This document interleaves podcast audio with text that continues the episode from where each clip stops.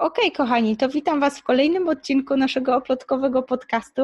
Dzisiaj znowu mamy odcinek gościnny i bardzo się cieszę, bo udało mi się zaprosić osobę, która trochę tak jak ja działa też w online'ach, nie tylko jest rękodzielnikiem i ogarnia całą trudność manualnej pracy, ale też ogarnia online, więc bardzo się cieszę na tą rozmowę. Dzisiaj zaprosiłam Eunikę, jedynak. Kochana, powiedz nam kilka słów o sobie, co robisz i jak się można znaleźć. Cześć, witajcie, witam Was bardzo serdecznie. E, nazywam się Unika Jedynak i tworzę pod marką Artemisia. Gdzie można mnie znaleźć w online'ach? No to na pewno na fanpage'u Artemisia Unika Jedynak. E, mam też swoją stronę unikajedynak.pl i tam można zobaczyć dokładnie czym się zajmuję i, i jakie są e, formy współpracy ze mną. E, a zajmuję się scrapbookingiem, czyli tak bardzo w skrócie mówiąc, tworzeniem ręcznie robionych kartek, zdobieniem, e, wszystko co związane z papierem, z wycinaniem i, i ze zdobieniami, to, to, właśnie, to właśnie ja kocham i tym się zajmuję. Nie kryję, że Eunikę polecało mi już kilka osób już tyle razy nosiłam się z zamiarem, żeby zaprosić Cię do podcastu i ciągle to było gdzieś na liście, ciągle spychane dalej i dalej. Tak bardzo się cieszę, że w końcu udało się porozmawiać, zwłaszcza, że zajmujesz się taką dziedziną, która dla mnie jest troszeczkę egzotyczna. Ja jednak zaczynałam gdzieś od dziergania, szydełkowania i takich większych form, a scrapbooking to dla mnie totalna magia, po prostu super precyzji, która jest dla mnie totalnie nieosiągalna. Jak to było u Ciebie? Dlaczego zaczęło się właśnie od tego? Historia jest dosyć długa, ale to może ja skrócę, tak żebyśmy tutaj nie spędziły tygodnia. Ja zajmowałam się bardzo wieloma rzeczami. Szukałam swojego miejsca na ziemi i już jako nastolatka e, tworzyłam e, pastelami suchymi i farbami olejnymi. Miałam swoje wystawy w naszym gminnym ośrodku kultury, więc gdzieś ta sztuka była zawsze blisko. E, miałam też babcie, które tworzyły, jedna babcia tworzyła bukiety z suchych kwiatów i różne takie kompozycje kwiatowe, e, druga babcia malowała też farbami olejnymi, więc to gdzieś było blisko, blisko zawsze mnie. Natomiast to, co mnie w sztuce może od sztuki odpychało, to to, że takie malowanie obrazów wiedziałam, że bardzo ciężko na, na tamte czasy, że bardzo ciężko taki obraz y, sprzedać, znaleźć kogoś, kto powiesi sobie pracę po prostu u siebie, jeszcze za to zapłaci, tak żebym ja była zadowolona. Więc pomyślałam, że warto byłoby mm, poszukać czegoś, co jest jednocześnie taką cząstką sztuki, a też y, równocześnie jest użytkowe. Więc pomyślałam o kartkach, bo można tam się wykazać i i może to spełniać po prostu jakąś funkcję, można komuś podarować taką kartkę, więc zaczęłam y, w tym kierunku mm, w tym kierunku podążać. Początki były oczywiście trudne i teraz jak ja patrzę na swoje pierwsze prace, nawet nie do końca pierwsze, bo tych pierwszych to już chyba nawet nie mam, albo są gdzieś głęboko schowane, to po prostu tak się łezka kręci w oku ze śmiechu, ale no ale tak właśnie takie były początki, jeszcze gdzieś dekupaż był po drodze, bo, bo właśnie zdobiłam jakieś takie, ale to już bardziej dla siebie, żeby się nauczyć e, czegoś e, ozdobnego w domu, żeby mieć to właśnie gdzieś dekupaż był. No i tak od, od ziarnka do ziarnka i od linku do linku, to tylko potwierdza reguły, że chyba wszyscy rękodzielnicy tak trochę mamy, że zanim gdzieś zostaniemy na dłużej, to próbujemy wielu technik i tak trochę to jest taka droga, która prowadzi nas do tego jednego celu i że, że fajnie tą drogę mieć, bo jednak jest duża skala porównania. A co było takiego właśnie w scrapbookingu, co sprawiło, że zostałaś właśnie przy tej technice, że, że to ona jest twoja? Mm, ciężkie pytanie, bo nie zastanawiałam się pod tym kątem. Jakoś wyszło tak samo z siebie, że poczułam, że chcę robić właśnie kartki, chciałabym się ich nauczyć. I tak od jednej do drugiej, do trzeciej szło mi coraz lepiej, ale czy wydaje mi się, że to równie dobrze mógł być scrapbooking, jak mogłam też stwierdzić, że jednak to nie jest to i szukać dalej. Nie wiem, co, co sprawiło. Wydaje mi się, że to gdzieś każdy z nas ma w środku siebie jakiś taki obszar, który jest dla niego dedykowany, jak już to odkryje, to po prostu się tym zajmuje, w to głęboko wierzę. No i wydaje mi się, że scrapbooking był właśnie tym czymś dla mnie. E, I równocześnie szłam ścieżką e, trochę inną, bo kończyłam zarządzanie mm, na uniwersytecie i zarządzanie marketing i zasoby ludzkie, dwie specjalizacje na magisterce. E, poszłam też na doktorat, więc jakby wow. nadal byłam jedną nogą tak jakby w scrapbookingu, chciałam się tym zajmować, ale z drugiej strony dbałam o to, żeby w razie czego mieć w życiu plan B, jak nie wiedziałam jeszcze jak się moja droga potoczy. E, a jak już stwierdziłam, że chcę robić to właśnie, czym się zajmuję, no to z doktoratu po pięciu latach, czyli po wykonaniu bardzo dużej roboty zrezygnowałam i... No a to i łączy się w bólu. U mnie też leży w szufladzie wiecznie nieobroniony i chyba z każdym rokiem oddala się coraz bardziej. będziemy miały taki czas, że będziemy wiedziały, co robić z czasem, to może wtedy. Tak, tak, też mi się tak wydaje, że to, to nadejdzie ten czas wtedy. Ale świetnie, że, że mówisz o tym, że tak naprawdę to, to nie jest tak, że tylko scrapbooking, ale jest też takich wiele dróg, które cię doprowadziły tutaj jakby z innej perspektywy, że jednak dużo trzeba było zrobić, żeby wrócić do Ojej, tego, co tak, tak naprawdę czułaś, że jest twoje. Słuchaj, ja jak tak sobie zastanawiam się, co teraz robię. Tutaj rączkę możecie widzieć w kadrze, to jest mój synek. Ja właśnie, bo się obudził. E, jak tak się zastanawiam, co ja robiłam w życiu, to każda rzecz, jedna, każda jedna rzecz się sprawdza, bo e, zajmowałam się projektami unijnymi, pisałam wnioski o dofinansowania, sama też mam działalność z, z dofinansowania i bardzo o to walczyłam i i się udało, bo to, ale to jeszcze zaraz opowiem, czym się dodatkowo zajmuję.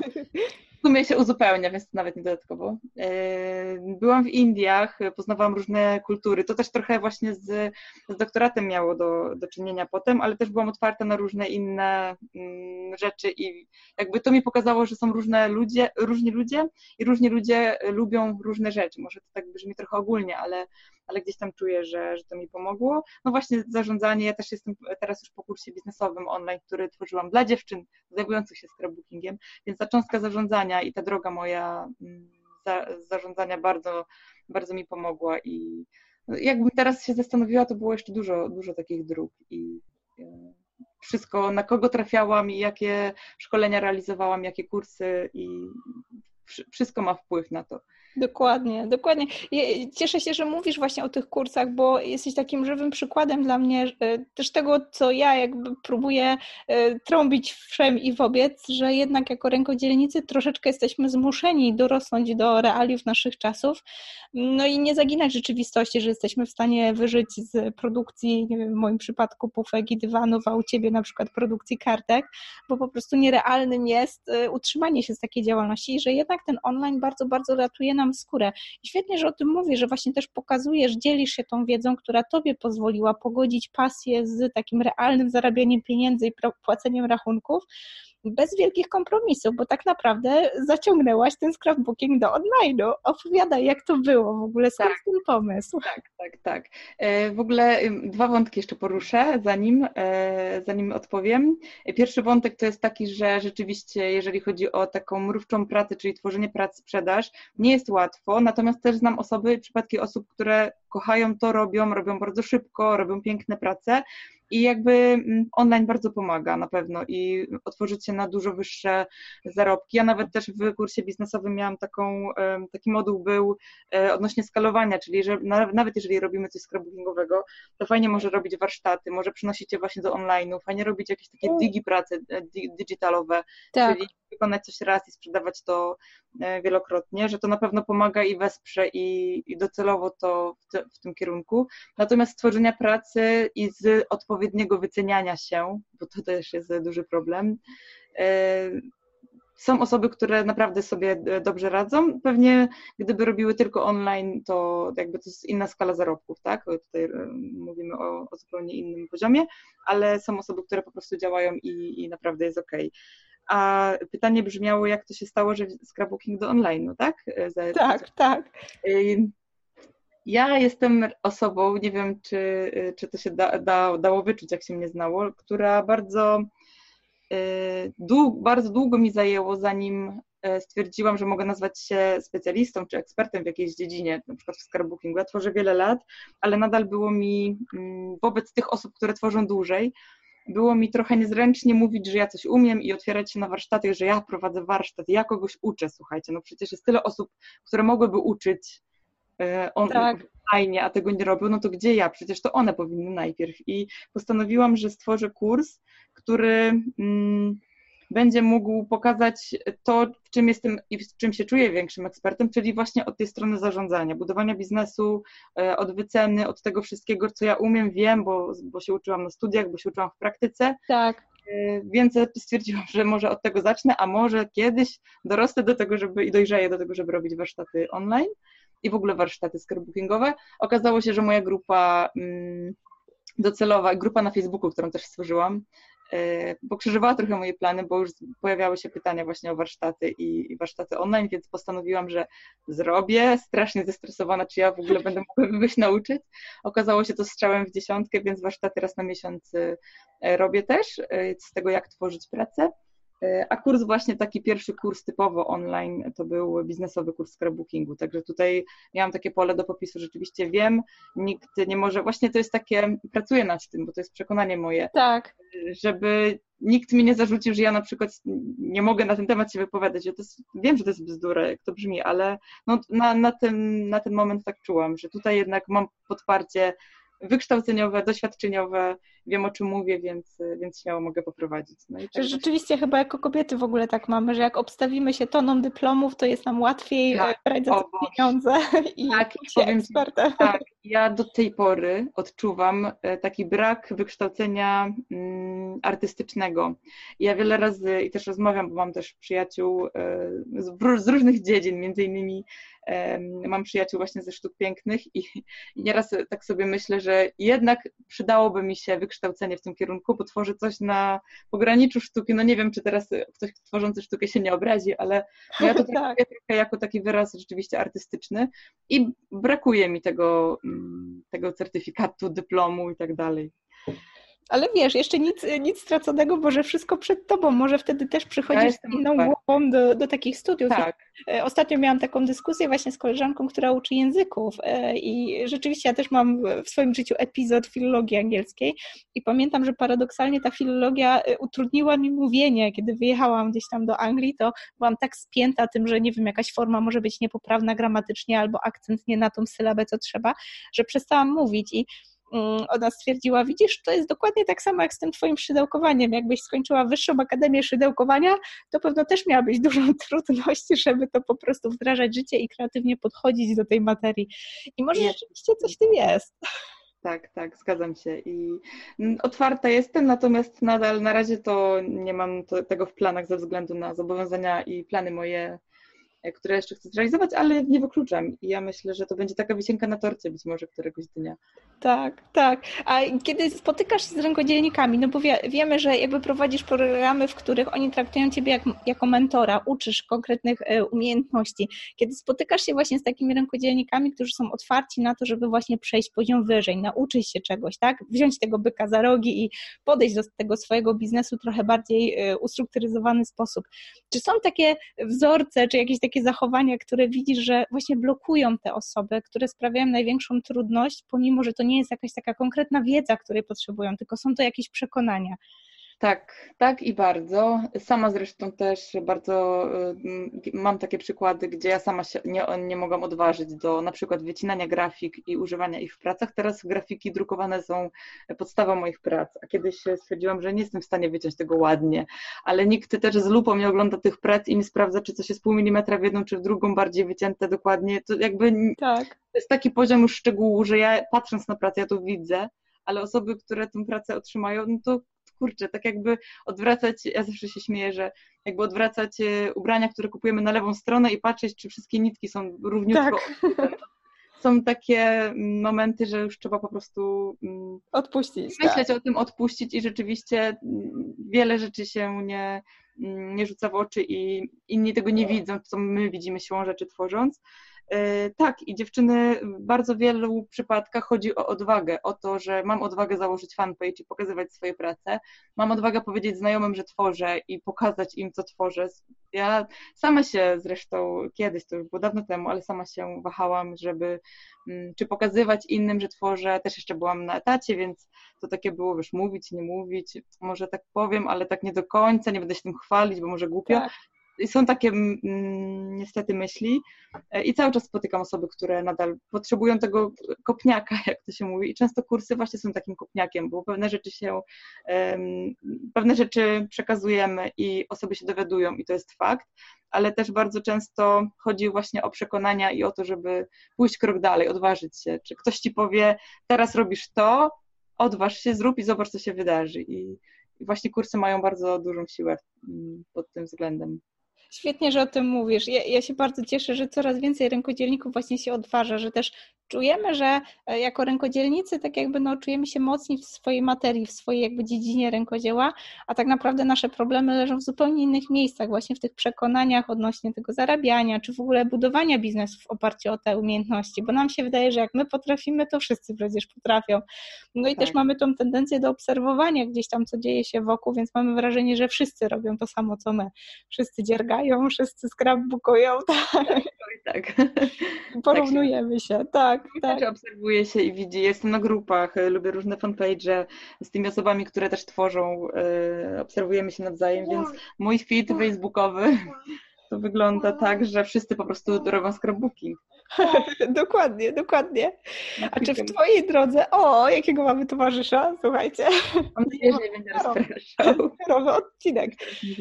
Ale to tym bardziej właśnie udowadnia, że w tych naszych kobiecych biznesach często e, dzieje się tak, że właśnie te dzieci są bardzo takim dużym triggerem tego naszego biznesu. U mnie też tak było, że to właśnie dzieci wyzwoliły ten taki moment zatrzymania się i przedefiniowania, jakie wartości w tym biznesie są ważne. Czy u Ciebie też tak było, że to był taki moment zwrotny w, w budowaniu biznesu?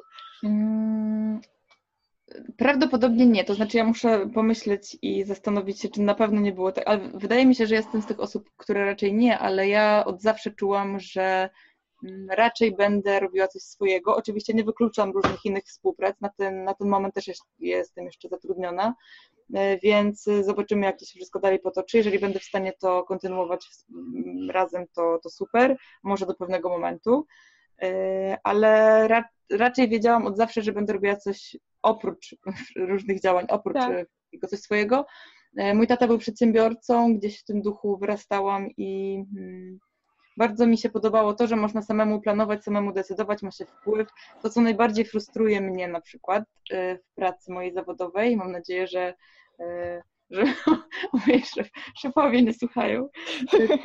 Właśnie Takich dużych zasięgów nie mamy. Nie do końca ma się wpływ na wiele decyzji, mimo tego, że nie są najbardziej optymalne i najbardziej, najbardziej optymalne, no optymalne nie są często. Są jakieś propozycje, co można byłoby zmienić, ale no nie jest się osobą decyzyjną. Mimo chęci na przykład y, szczebla wyżej, no nie do końca mamy na to wpływ. I takie rzeczy mnie frustrują, bo rozwiązania są, tak? Y, tak. Nawet, nawet często są bezkosztowe, ale nie zawsze da się po prostu to, to wprowadzić, a tutaj sama sobie szefem, sama planuję, sama realizuję i jakby decyduję ja o tym, jakie produkty wdrażam i, i co kiedy robię. Więc to, to jest cudowne uczucie i wydaje mi się, że, że do tego zostałam stworzona tak długo. Czyli śmiało możemy trzymać kciuki, bo będzie coraz więcej ciebie w tobie. Po prostu coraz bardziej będziesz się rozwijała i coraz bardziej będzie cię po prostu widać. Myślę, że tak i chciałabym też bardzo żyć w taki sposób, który mm, gdzie jestem, każdego dnia mogę sobie powiedzieć, że jestem szczęśliwa, rano, w południe, wieczorem. Bardzo lubię też sport i trenuję i chciałabym móc trenować bez względu na to, co bym robiła, to treningi jakby są zawsze wpisane w mój, w mój dzień, w mój tydzień i chcąc robić wszystko to, co bym chciała, że masło maślane, ale żyć w taki sposób rodzinnie i realizować siebie na różnych szczeblach, mm, no to docelowo właśnie samemu sobie planować e, dzień i, i, i rzeczy do zrobienia. To jest jakby taki mój plan na, na później, na, na życie takie do, mm, docelowe.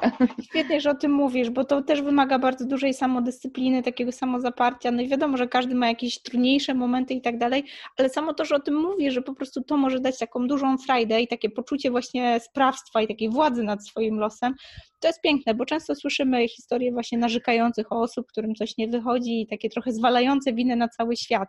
A ty jesteś tym przykładem osoby, która bierze byka za rogi i tak naprawdę z pełną odpowiedzialnością podchodzi do swojego szczęścia, tak? To, to jak... Tak, ja bardzo, bardzo lubię, nie wiem kto to powiedział pierwszy raz, ale gdzieś się w internecie przewija, tak, masz rację.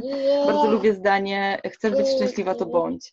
I ja wiem, że czasami może być tak, że spotka nas jakaś tragedia, trauma i no nie do końca w tym momencie to jest na miejscu, ale tak ogólnie życiowo, mając dwie ręce, dwie nogi, e, zaczynając robić jakby budowanie swojej ścieżki zawodowej, no to mamy wpływ na wiele rzeczy. Nawet nie mamy pojęcia, na ile rzeczy mamy wpływ i dużo zależy od naszego podejścia. No ja jestem, kurczę, jest takie stwierdzenie niepoprawna optymistka i rzeczywiście tak jest, ale też trochę realistka, biorąc pod uwagę, jakby biorę pod uwagę zawsze zagrożenia, to co może wyjść, to co może nie wyjść, zawsze lubię mieć plan B, plan C, Podam przykład. Moja maszynka na wykrojniki ma już 4 lata, czy nawet niedługo będzie miała 5, a pół roku temu kupiłam drugą, bo ja wiem, że ta w każdym momencie może mi odmówić posłuszeństwa, bo już jest wiekowa, więc po prostu jest w szafie i czeka na ten moment.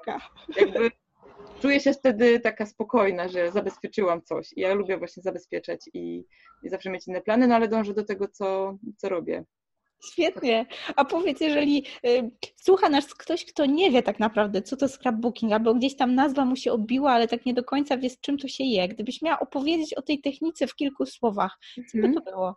Dobrze, to ja opowiem, a jednocześnie może coś pokażę, bo gdzieś tutaj zawsze, tam jest jedna praca, nie wiem czy widać. Tak, widać. Ale mogę pokazać na przykład teraz jestem w trakcie tworzenia albumu i to jest taki Piękne. album. Zdjęć nie pokażę, bo nie mogę, ale to jest generalnie praca z papierem, e, praca z różnymi elementami dekoracyjnymi, często też z mediami, bo mm, jak ktoś lubi, jakby w samym scrapbookingu też jest podział na wiele, na wiele różnych podtechnik, bo też nikt tego nie ustrukturyzował i tutaj odzywa się we mnie właśnie ta część dok, dok, doktoratowa, tak, tak. część naukowa, gdzie brakuje mi właśnie często jakichś struktur, e, podziałów i tak dalej, no to nie ma, więc jest tutaj pole do popisu. E, kartki ręcznie robione w różnej formie, to są w formie właśnie e, takich typowych kartek, w formie na przykład pudełeczek, że ściąga się wieczko i się otwiera kartka taka o Świetnie. Więc y, albumy, różne zdobienia zdjęć, zdobienia różnych elementów ze sklejek HDF, MDF, to są takie sztywne, sztywne materiały, z których się wycina różne wzory i się potem ozdabia tak naprawdę wszystkim, co mamy pod ręką. Teraz jest już cała gama mm, produktów, półproduktów do, do scrapbookingu. Sama też rozpoczęłam produkcję swoich tekturek. Nie przygotowałam się, żeby je mieć zasięgu ręki. Ale, rzeczywiście coś jest takiego, że jak wchodzi się do tego sklepu, do tych sklepów papierniczych, takich typowych scrapbookingowych, to po prostu jak dzieci w sklepie z zabawkami. Tak, tak. tak projektuję i też wycinam laserowo takie elementy. To jest taka tektura birmata tak zwana, więc y, naprawdę wzorów, motywów jest zatrzęsienie ciągle powstają nowe, także wszystkiego można. I ja zachęcam, bo to bardzo otwiera umysł i relaksuje się człowiek tworząc i też dzieci relaksują się tworząc, wspólnie można spędzić fajnie czas. Także polecam każdemu, nie trzeba być specjalistów, żeby, żeby sobie Świetnie. zrobić kartę. Świetnie, czyli jak słyszycie sami, próg wejścia jest naprawdę niski. Każdy może spróbować tak naprawdę wziąć kilka podstawowych przyborów papierniczych do ręki i już spróbować tej techniki, a później ostrzegamy, że wciąga, jak łażenie tak, po bagnach. Oj, tak. Wszystkie oszczędności się wydaje, no przyda się. oj tak, oj tak. Kochana, ja Cię nie chcę męczyć długo, bo wiem, że też jesteś zajęta. Maluszek już w ogóle super grzeczne dziecko, które pozwala nam tak pogadać. Ale jest takie jedno pytanie, cegła, które zawsze zadaję moim gościom. Y, jakbyś spoglądała na swoją właśnie taką historię i swojego biznesu, czy w ogóle takiej drogi, która Cię tu doprowadziła, na pewno każda droga jest kręta, czasem wyboista, czasami są wzloty i upadki. I czy było takie wydarzenie w Twojej właśnie takiej historii dochodzenia tu, gdzie jesteś, że jak, jak to się stało, to miałaś wrażenie, że to był taki właśnie upadek, fuck up i w ogóle, a teraz jak z perspektywy czasu na to patrzysz, to mówisz, kurczę, to była najcenniejsza lekcja, którą dostałam. Czy było coś takiego u Ciebie? Czym chciałabyś się podzielić? Wiesz, co musiałabym pomyśleć i ja tak teraz sobie głośno pomyślę, czy było coś takiego aż takie tragiczne. Na pewno miałam kilka takich sytuacji, gdzie już tworząc na zamówienie miałam... E, jakieś takie swoje nauczki i poznawałam siebie bardziej i pracowałam gdzieś tam nad swoimi cechami. Jedną z moich cech to jest maksym. Kiedyś myślałam, że to jest robienie wszystkiego na ostatnią chwilę, że to jest najbardziej negatywna cecha, jaka może być, ale jak zaczęłam się dowiadywać więcej o sobie i robić sobie różne testy i czytać na ten temat, to są ludzie, to ja wiem, że y, to jest, nazywa się maksymalizm, więc ja w tym czasie, który mam, chcę zrobić po prostu jak najwięcej. I to, że ja sobie tak układam różne prace, a nie inaczej, wynika z tego, że w międzyczasie zmieszczę coś innego. E, ale miałam takich kilka przypadków, że na przykład osoby oczekiwały czegoś wcześniej, czego ja nie, jakby nie dostałam takiej informacji, ale też sama nie zapytałam.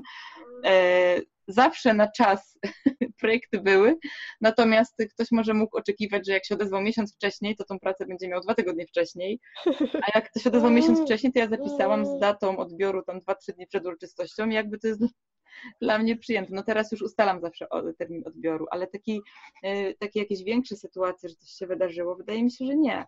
Mm, raczej jeżeli coś się działo, to najczęściej wyciągałam wnioski i po prostu szłam dalej, a takich mm, bardzo dużych, e, bardzo dużych problemów to Pewnie były, tylko ja jako optymistka po prostu. Tak. Nie jestem w stanie ci przytoczyć moich problemów. To się nazywa podejście. Słuchaj, chyba nie ma lepszej puenty dla tego podcastu. Z takim podejściem rzeczywiście nawet naj, nie wiem, najgorsze kłody, które los nam rzuca czasem pod nogi, traktuje się jako lekcję i po prostu coś, na czym można się odbić jak na trampolinie tak, i zawsze jeszcze wyżej. Najgorsze, co można zrobić, to się poddać, załamać i odpuścić, bo jeżeli coś czujemy, że chcemy to robić w życiu i sprawia nam to frajdę, jest naszą pasją i jesteśmy w stanie w jakiś sposób to w biznes y, przekuć, nawet jak jeszcze nie wiemy jak, ale chcemy, to trzeba po prostu próbować. I jak się nie uda pierwszy, drugi, piąty raz, to uda się dziesiąty albo dwudziesty, ale po prostu nawet nie uda, tylko dokonamy tego. Ostatnio się uczę Dokładnie, też. dokładnie. Dokonamy tego. Można, możemy... Anna, gdzie Cię możemy znaleźć w sieci, żeby wysłać naszych słuchaczy, gdyby chcieli gdzieś prześledzić, co, co u Ciebie, co się dzieje, gdzie Cię znaleźć? Daj znać. Tak, najlepiej imię, nazwisko.pl, czyli eunika1.pl, to jest moja strona i tam najwięcej rzeczy się dzieje. Oprócz tego mam fanpage Artemisia Eunika Jedynak i e, Instagram Artemisia Eunika Jedynak. E, więc to są takie, albo Artemisia to jest taka marka, pod którą tworzę, albo z imienia i nazwiska. Jak się wygoogluje, to, to, to wyskoczę, bo też imię jest takie, że jak się wygoogluje Eunika Jedynak, no to nie wyskoczy prawdopodobnie inna. Mam nadzieję. że nie ma szans. Jesteś tak unikatowy po prostu imieniem i nazwiskiem, że też przyznam się, że googlowałam, więc tym bardziej polecam. Naprawdę piękne rzeczy, świetnie pokazane w bardzo domyślny sposób, więc czysta przyjemność poruszania się po Twoich miejscach w sieci. Czysta przyjemność. Nie tylko dla rękodzielników, więc tym bardziej zapraszamy. Bardzo dziękuję, bardzo mi miło. Dziękuję za zaproszenie i za przemiłą rozmowę i do zobaczenia gdzieś w sieci. Dokładnie, mam nadzieję następnym razem. Do zobaczenia. Cześć.